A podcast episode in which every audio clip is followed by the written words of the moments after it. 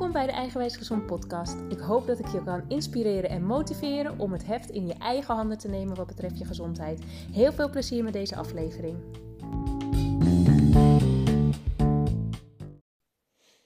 Oké lieve mensen, daar gaan we dan. De eerste aflevering van de Eigenwijs Gezond podcast. Um, ontzettend leuk om dit te doen. En ik hoop dat op deze manier mensen te kunnen inspireren uh, met mijn verhaal. En uh, ik wil deze podcast graag doen omdat ik uh, niet achteraf, ik ben er namelijk van overtuigd dat klachten vrij gaan worden. Um, en ik wil er niet achteraf pas gaan vertellen hoe ik dat heb gedaan. Ik wil mensen graag meenemen in mijn reis. Dus ook de dingen die niet lukken of wanneer het niet goed gaat. En uiteindelijk hoe het dus gelukt is om het wel voor elkaar te krijgen. Ik neem deze podcast in één keer op, dus ik ben niet van plan om dit te editen of iets dergelijks. Dus soms zit er te veel keer e of zou ik me verspreken of iets dergelijks. Maar uh, dat nemen we maar voor lief. Het hoeft niet perfect. Dat is een, uh, een deel van mijn nieuwe ding. Ik ben namelijk heel erg perfectionistisch en daardoor stel ik dingen altijd heel erg uit. Maar dat gaan we nu niet doen. Dus uh, als je een keer te vaak uh, hoort of uh, nou weet ik veel wat er niet goed kan zijn, dan is dat maar zo. Deze aflevering wil ik graag eerst vertellen iets over mijzelf, wie ik ben, wat ik doe, wat me bezighoudt, waar ik van houd. En daarna ga ik vertellen over hoe mijn diagnose tot stand is gekomen. Dat vind ik zelf altijd interessant om van andere mensen te horen. En zeker van de mensen die, voor de mensen die zelf MS hebben bijvoorbeeld. Uh, en daar houden we denk ik deze aflevering bij. De volgende afleveringen zullen over van alles kunnen gaan. Het kan gaan over uh, bepaalde die, dingen die ik heb geleerd over voeding. Uh, wat ik bijvoorbeeld eet. Of um, wat ik in de week weer tegen ben gekomen. Maar misschien heb ik weer een leuk boek gelezen of iets interessants. het kan van alles zijn. Net waar ik denk van nou dit is leuk om met jullie te delen. En vandaag is dat dus uh, eventjes mijn verhaal. Nou, ik zal eerst eventjes over mij vertellen. Ik ben uh, dus Debbie en ik ben op dit moment 32 jaar. Ik woon in Uitgeest met uh, Kees, dat is mijn vriend. En wij hebben samen twee kinderen, Teun en Milou.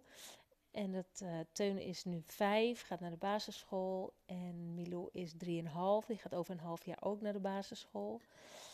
Wij, um, Kees en ik zijn al heel lang samen. Wel even tussendoor is het uit geweest. Maar uiteindelijk toch weer bij elkaar gekomen en twee hele leuke kinderen gekregen. Ik werk twee dagen in het onderwijs. Ik heb tien jaar uh, echt voor de klas gestaan. En afgelopen jaar ben ik uh, werd, werd het mentaal allemaal een beetje te veel. Dus toen ben ik ziek gemeld. Werden mijn klachten ook erger. En zo ben ik er eigenlijk een heel jaar tussenuit geweest. En nu gaan we weer even kijken wat er allemaal mogelijk is voor mij. Maar dus al heel lang werkzaam in het onderwijs. Ik werk ook één dag in de week bij Lifting Fit. Dat is de uh, CrossFit gym bij ons hier in het dorp. Dat is van mijn neef. En daar mag ik het uh, voedingsadvies geven aan mensen. En dat vind ik echt heel erg leuk, want voeding dat is ondertussen echt mijn passie geworden. Um, en ik heb, ben dus in februari begonnen met Eigenwijs Gezond met, uh, op Instagram.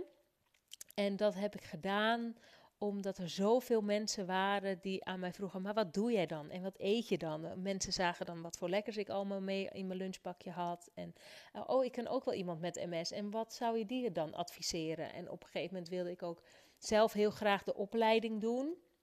Ortomoleculair uh, therapeut en uh, ortomoleculair voedingsadviseur. En ik vond het gewoon zo leuk om daar dingen over te delen. En uh, op een gegeven moment dacht ik van, nou, ik ga gewoon een, een Instagram-account aanmaken, zodat mensen mij alvast een beetje kunnen leren kennen. En als ik dan ooit een eigen bedrijf wil beginnen, dan kennen mensen mij al een beetje. En hoe leuk zou het zijn als ik straks klachtenvrij ben en ik daardoor andere mensen kan inspireren. Dus dat was een beetje mijn idee. Uh, dat gaat eigenlijk allemaal een beetje sneller dan dat ik dacht. Maar ik vind het echt ontzettend leuk. Um, wat doe ik nog meer? nou ja, ik, ik sport dus niet heel erg veel, want mijn benen doen dat op dat moment niet heel erg goed. Maar ik ben langzaamaan weer begonnen bij Lifting Fit met boksen. En nou, de laatste week ook weer echte crossfit lessen gedaan. En verder ben ik vooral heel veel bezig met eten en met gezond worden. Dus dat is wat ik doe. En dat is iets over mij. En um, dan wil ik jullie nu heel graag vertellen hoe dus die diagnose van mij tot stand is gekomen. En dat begon een beetje, um, nou, ik denk de eerste helft van 2013. Toen ervaarde ik uh, de eerste klachten uh, waarvan ik echt dacht, oké, dit is niet uh, dit is niet oké. Ik kreeg in mijn oksel, mijn rechter oksel, daar ging het gevoel weg. En uh, dat voelde met het scheren, voelde het heel gek. En um, ik kreeg er, ik weet nog dat tijdens het autorijden dat ik af en toe wel steken daarin kreeg. En dat, dat dove gevoel, dus dat gevoel dat wegtrok, dat, dat breidde zich steeds verder uit. Dus op een gegeven moment dacht ik wel, oké, dit is gek, hiervoor moet ik even naar de huisarts. Dus ik ben toen naar de huisarts gegaan en die uh, zei eigenlijk al snel van oké, dit uh, moeten we even verder onderzoeken. Uh, ik verwijs je door naar het ziekenhuis. Dus ik kwam in het ziekenhuis in Beverwijk bij de neuroloog en een gesprek gevoerd. En daar was het advies, oké, we gaan eerst eventjes een MRI-scan maken. En uh, wellicht dat we achteraf ook nog bloed bij. Of nee, ze gingen ook sowieso bloed afnemen. Maar het kon zijn dat ze daarna ook nog een uh, ruggenmergprik uh, wilden doen. Daar staat me nog iets van bij. Nou, dus die MRI-scan gedaan. En een paar weken later kreeg ik daar de uitslag van. En toen kwam ik bij de neuroloog en die zei. Ik ging daar nog helemaal blanco in. Ik had trouwens echt geen flauw idee waar ze naar zouden gaan kijken. En zij vertelde van, nou ja, ik heb in ieder geval goed nieuws. Je hebt geen MS. En toen dacht ik alleen maar, oké, uh, ik wist niet eens dat jullie daar niet gingen kijken, maar maakt niet uit, ik heb het niet. Dus uh, helemaal dikke vette prima. En toen was het volgende wat ze ging zeggen.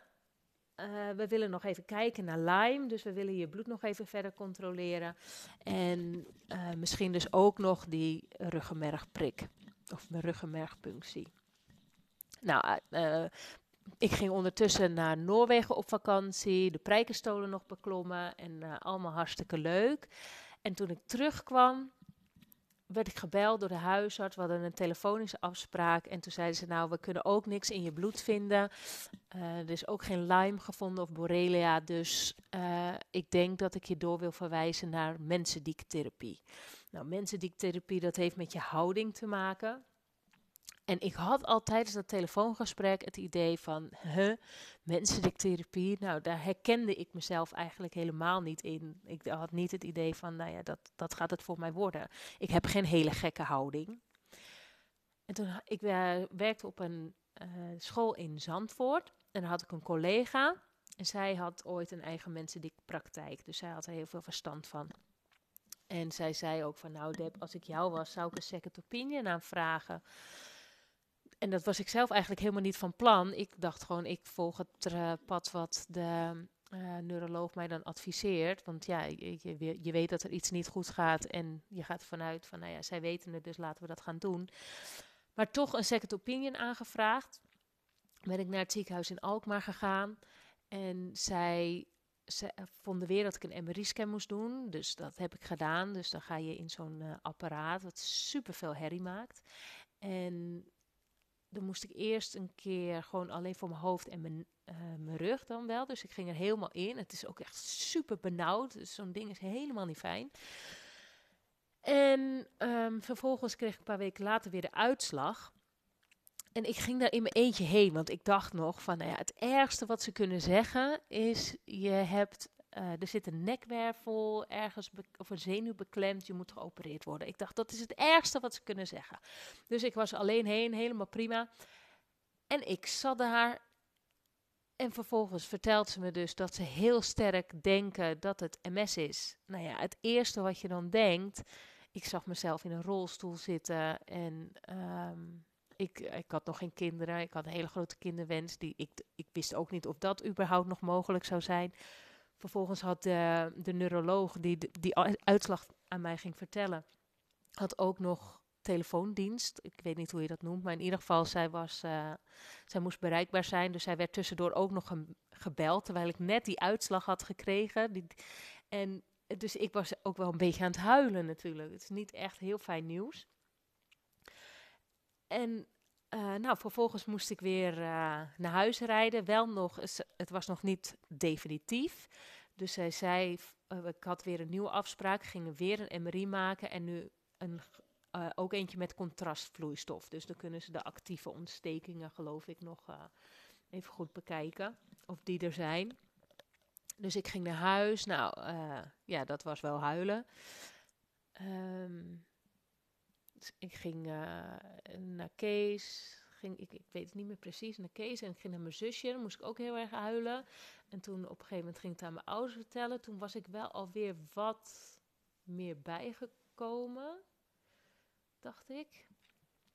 Uh, maar ja, voor iedereen een grote schok. Dus uh, nou, moesten we de uitslag van de, eigenlijk de derde MRI dus bekijken. Of wat kregen we? Daar ging ik nu wel maar samen met Kees heen. En maar ja, ik, ik was al zo voorbereid op dat dit de diagnose zou zijn. En uh,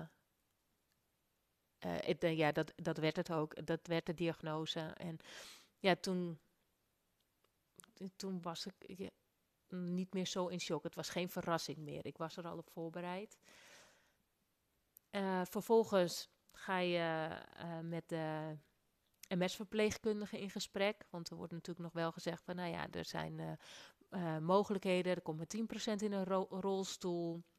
Er zijn allemaal medicijnen die je kan gebruiken. En dat ga je dan met de MS-verpleegkundige bespreken. Dus daar was ik geweest. En er waren toen nog uh, alleen maar opties met spuiten. En de een moest je elke dag spuiten. En dan steeds op een ander plekje. Um, er was ook nog eentje die je om de week, geloof ik, moest spuiten. Of elke week. En er was nog eentje die twee of drie keer in de week moest spuiten. Nou, het ging in ieder geval alleen maar over spuiten. En ik weet nog dat ze zeiden dat het ging om. De werking was in ieder geval dat je immuunsysteem onder druk werd. Want het is dus in principe je immuunsysteem die jouw eigen lichaam aanvalt. Dus als je je immuunsysteem um, onderdrukt, dan heb je minder aanvallen. Nou, oké, ik moest dat allemaal nog een beetje op me in laten werken. Maar eigenlijk was mijn grootste vraag ook: uh, kan ik nog wel gewoon kinderen krijgen? En dat kon. Maar dan is het niet raadzaam om uh, meteen aan de medicijnen te gaan. Want dan.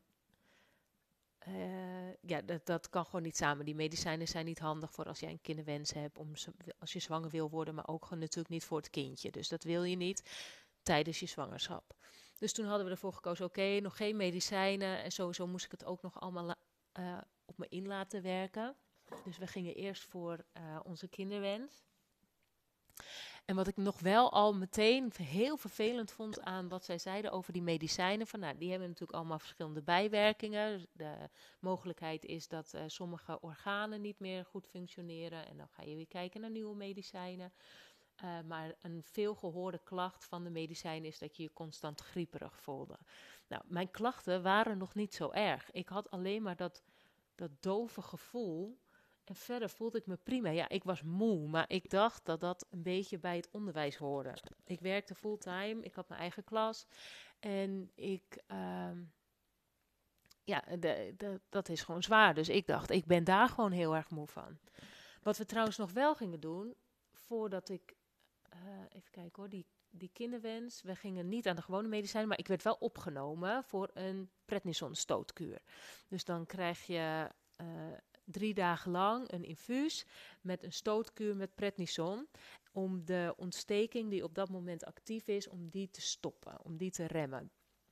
Dus ik was drie dagen in het ziekenhuis en uh, die prednison stootkuur gekregen. En ik had op school gezegd van, nou ja, oké, ik ben die dagen afwezig, maar die weken na ben ik er wel weer gewoon. Ik wist ook gewoon totaal niet wat die prednison met je lichaam deed. Geen idee.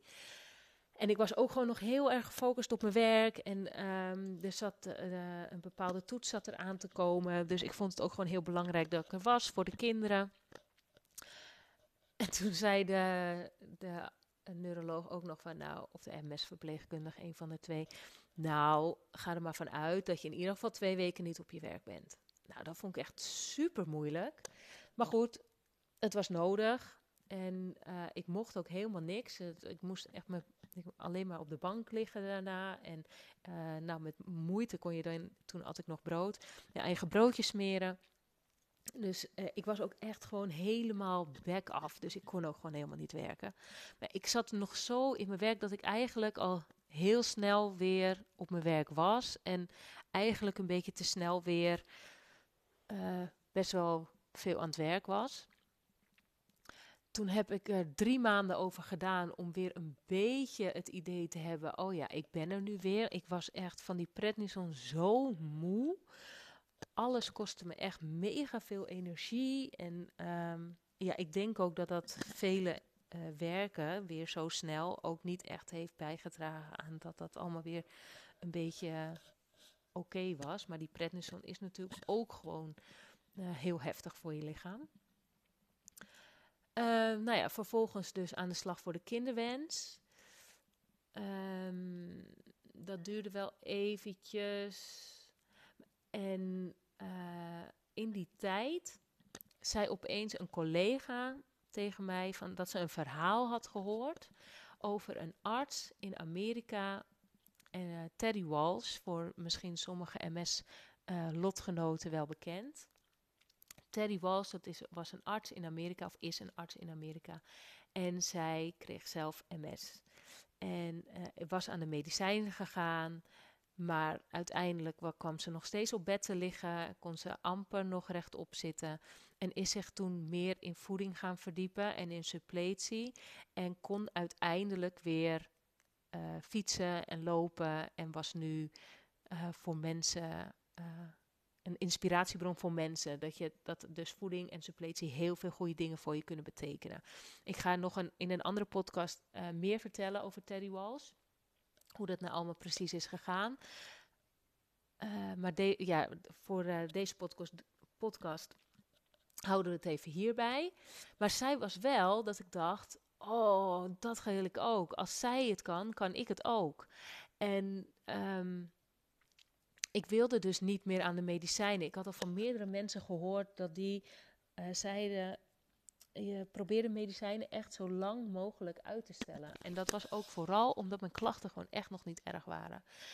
En ik niet me constant grieperig wilde voelen of met die prikken in de, aan de, in de weer wilde. En nou ja, uiteindelijk wilde ik dus ook met voeding aan de slag.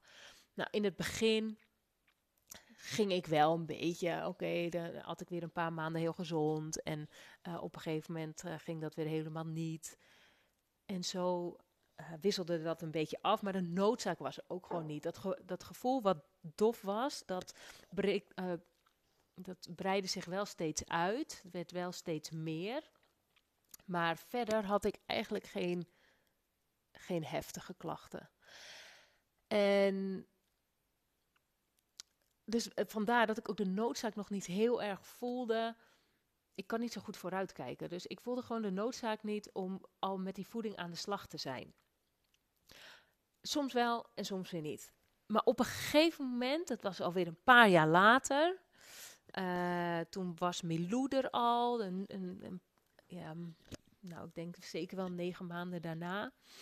Op een gegeven moment merkte ik dat mijn kuit anders en dan met name met traplopen. Maar in het begin ben ik dan nog een beetje in de ontkennende fase. Dan denk ik, oh ja, dat voelt iets anders. Maar ik denk dan niet meteen aan een nieuwe shoep. Dus dat, is zeg maar zo'n aanval, dat noem je dan een shoep. In het begin denk ik, ben ik nog een beetje in de ontkennende fase. Nou, het zal wel meevallen. Oh, nou, duurt nu toch wel een week. Nou ja, oké. nou, uh, misschien wat rustiger aan. doen. toch weer wat gezonde eten. En toch weer een beetje... Nou ja, dat heb ik toen ook te lang uh, een beetje ontkend. Je kan dan wel weer zo'n prednisonstoot doen, maar ik wil, ja, de vorige keer had ik daar gewoon alleen maar heel veel last van gehad en eigenlijk helemaal geen profijt ervan. Het was niet dat klachten weer heel snel verdwenen waren, het, het was er nog steeds. Dus ik wilde dat ook zo lang mogelijk uh, afhouden. Maar op een gegeven moment is het dan te laat om zo'n prednison-stootkuur te doen. Dan heeft het vaak geen effect meer. Dus dan willen ze dat in het ziekenhuis ook niet doen.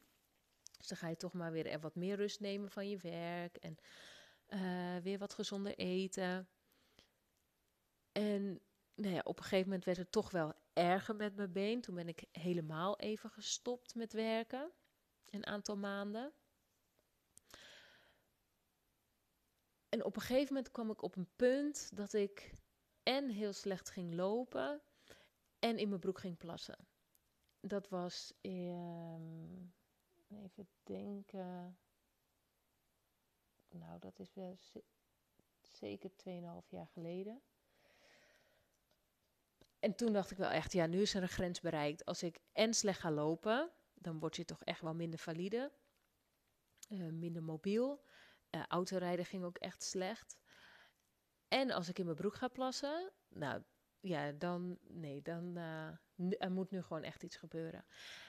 Toen heb ik wel weer een prednison-stootkuur gedaan. In de hoop dat dat iets voor me ging doen. Maar ook die keer heeft het niks voor me gedaan. In wel weer alle narigheid ervan. Dus echt super moe, weer heel lang. Maar uh, geen profijt ervan. Mijn klachten werden er niet minder van. Maar ik had ook gelijk een ortomoleculair therapeut ingeschakeld. Ik wilde eigenlijk naar Richard de Let. Daar was ik al een keertje geweest naar een seminar. En uh, ik volgde hem. En ja, het sloot gewoon helemaal aan op wat ik, op mijn idee van wat is dan gezond eten, wat wil ik doen. Maar hij deed geen consulten meer ik kreeg wel van hen het advies van, joh, wij hebben nog een uh, ortomoleculair therapeut hier bij ons werken. En eigenlijk doet hij alle uh, uh, cliënten van Richard de Let. En dat was Ruud Rotteveel. Dus ik, ben, ik heb hem gebeld voordat ik naar het ziekenhuis ging voor die stootkuur. En hij adviseerde me eigenlijk, ja, ik kon een afspraak bij hem inplannen, maar hij zei gelijk: Oké, eet geen zoogdierproducten meer. Dat heeft met een bepaald uh, eiwit, geloof ik, te maken. Of suikermolecuul. Iets met vijver in. Oh, lekker duidelijk verhaal. Maar goed, dat komt nog in een andere podcast terug. Uh, in ieder geval, oh, neu 5CG geloof ik. Um, dat, dat was in ieder geval het advies. Geen zoogdierproducten meer. En verder gaan we straks helemaal kijken wat we allemaal voor je kunnen doen. Toen ben ik dus uh, naar hem toe geweest. En volgens mij was het ergens in mei, denk ik. Mei 2018. Ja, zoiets zelfs. Mei 2018 ben ik toen naar hem toe geweest. En um, daar kwam toen ook naar voren dat hij verdenking had van Lyme. Dat is al vaker, hebben mensen dat tegen mij gezegd. En eh, ik was al eerder bij, ook bij een orthomoleculair therapeut geweest, die zei het ook al. Ik denk dat je uh, ook een Borrelia-bacterie bij je draagt. Um, het is ook wel vaker in mijn bloed gecontroleerd in het ziekenhuis, maar daar kwam het steeds negatief uit. Toen ben ik een heel strikt dieet gaan volgen. Ik ging uh, sowieso paleo eten, maar dan zonder zoogdierproducten. Dus geen koe, lam, uh, schaap, varken, dat soort dingen. Maar ook niet het melk daarvan.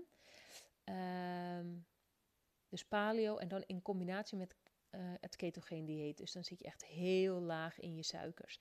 En dat in eerste instantie was dat om de Lyme-bacterie tegen te gaan. En dan moest ik ook bepaalde ademhalingsoefeningen bij doen en bepaalde supplementen slikken.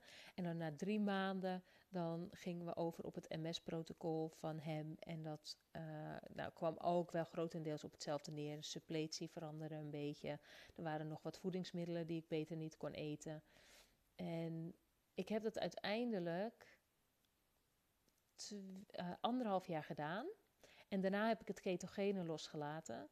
Want ja, dat is gewoon echt wel best wel een heftige combinatie. En ik hoopte gewoon dat ik in ieder geval weer onbeperkt groente en fruit kon eten. Dat vind ik gewoon lekker en belangrijk. En als je gezond eet, wil je gewoon niet ook nog op je groente en fruit moeten letten.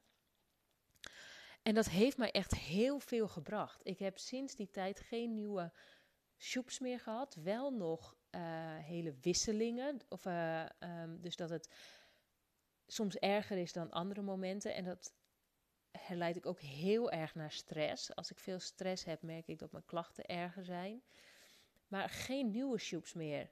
Dus geen nieuwe aanvallen meer. Nou, ja, ik ben daar echt super, super, super blij mee.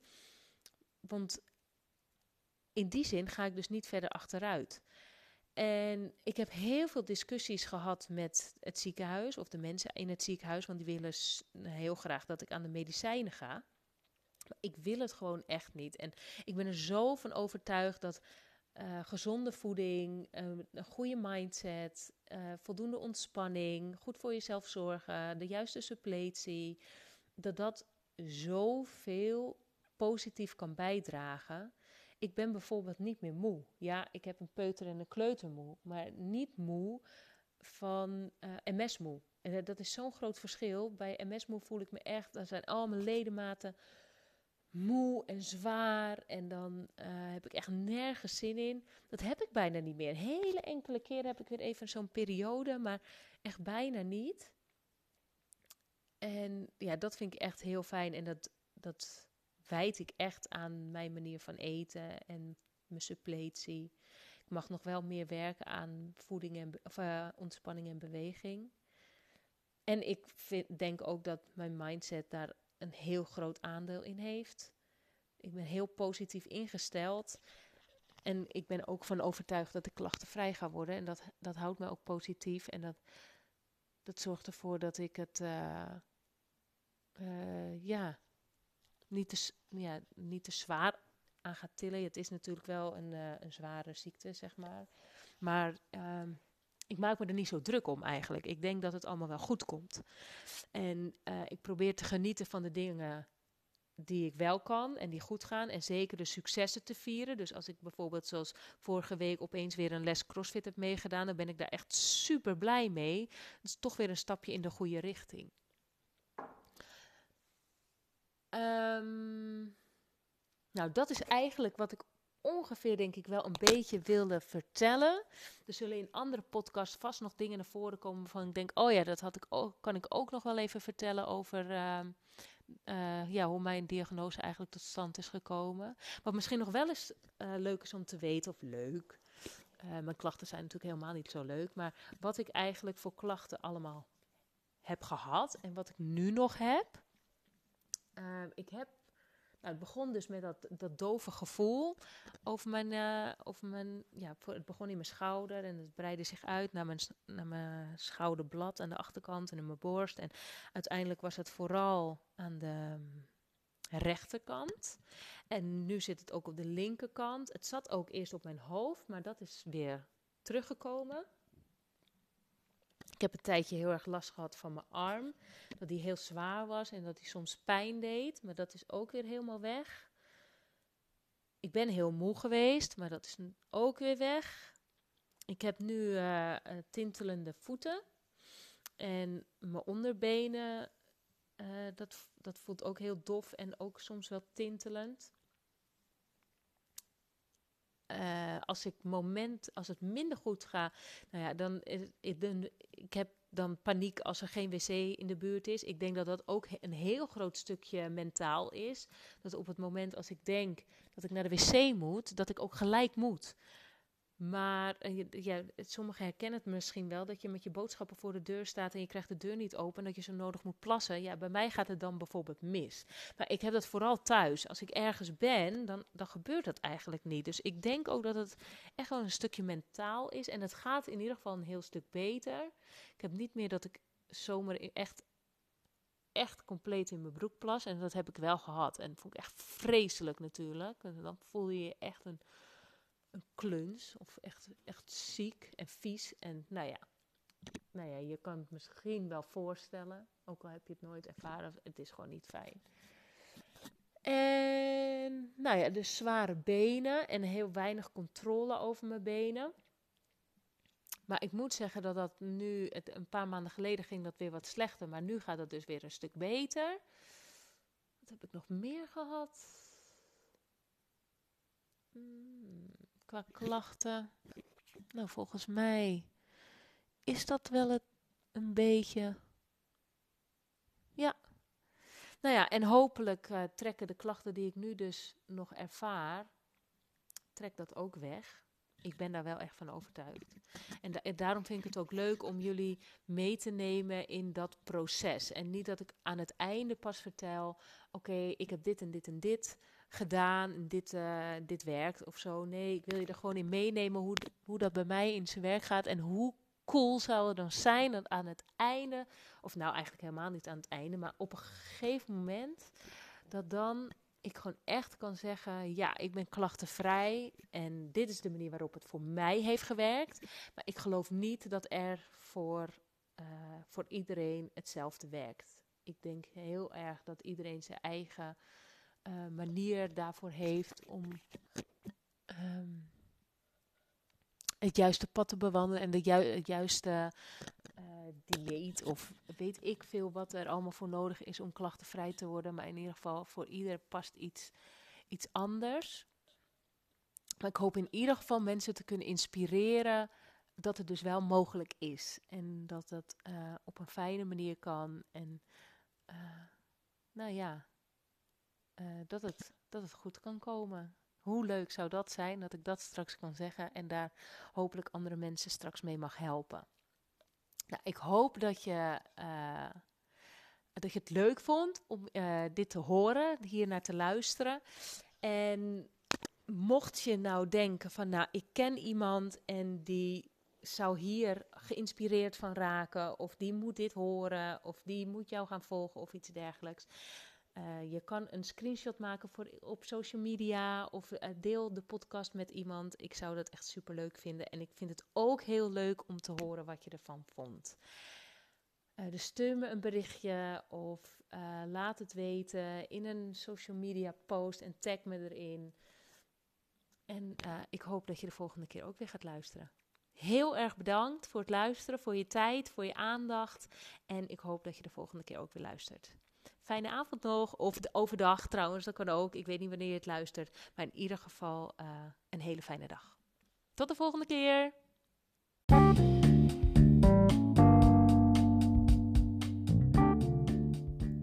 Bedankt voor het luisteren. Ik hoop dat je er wat aan hebt gehad.